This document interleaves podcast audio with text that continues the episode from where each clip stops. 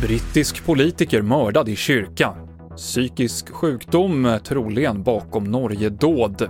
Och danskar ska få tredje dos. Det är rubrikerna i TV4-nyheterna. En brittisk parlamentsledamot har dött efter att han knivhöggs under ett möte med väljare i Essex i sydöstra England idag. David Ames, som var parlamentsledamot för det konservativa partiet sedan 1983, attackerades i en kyrka i Leigh-on-Sea, sex mil öster om London. En 25-årig man har gripits misstänkt för mord. Motivet är oklart. I Norge så säger polisen att den starkaste hypotesen i nuläget är att psykisk sjukdom är bakgrund till onsdagens händelser när fem personer dödades i Kongsberg. Man tror inte heller att dådet föregicks av någon längre planering. Den hypotesen som är styrka mest de första dagarna av efterforskningen, det är att bakgrunden är sjukdom.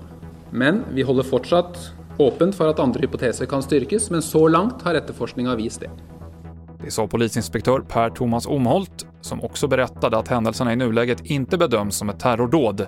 Den misstänkte 37-åringen häktades tidigare idag och ska genomgå en rättspsykiatrisk undersökning.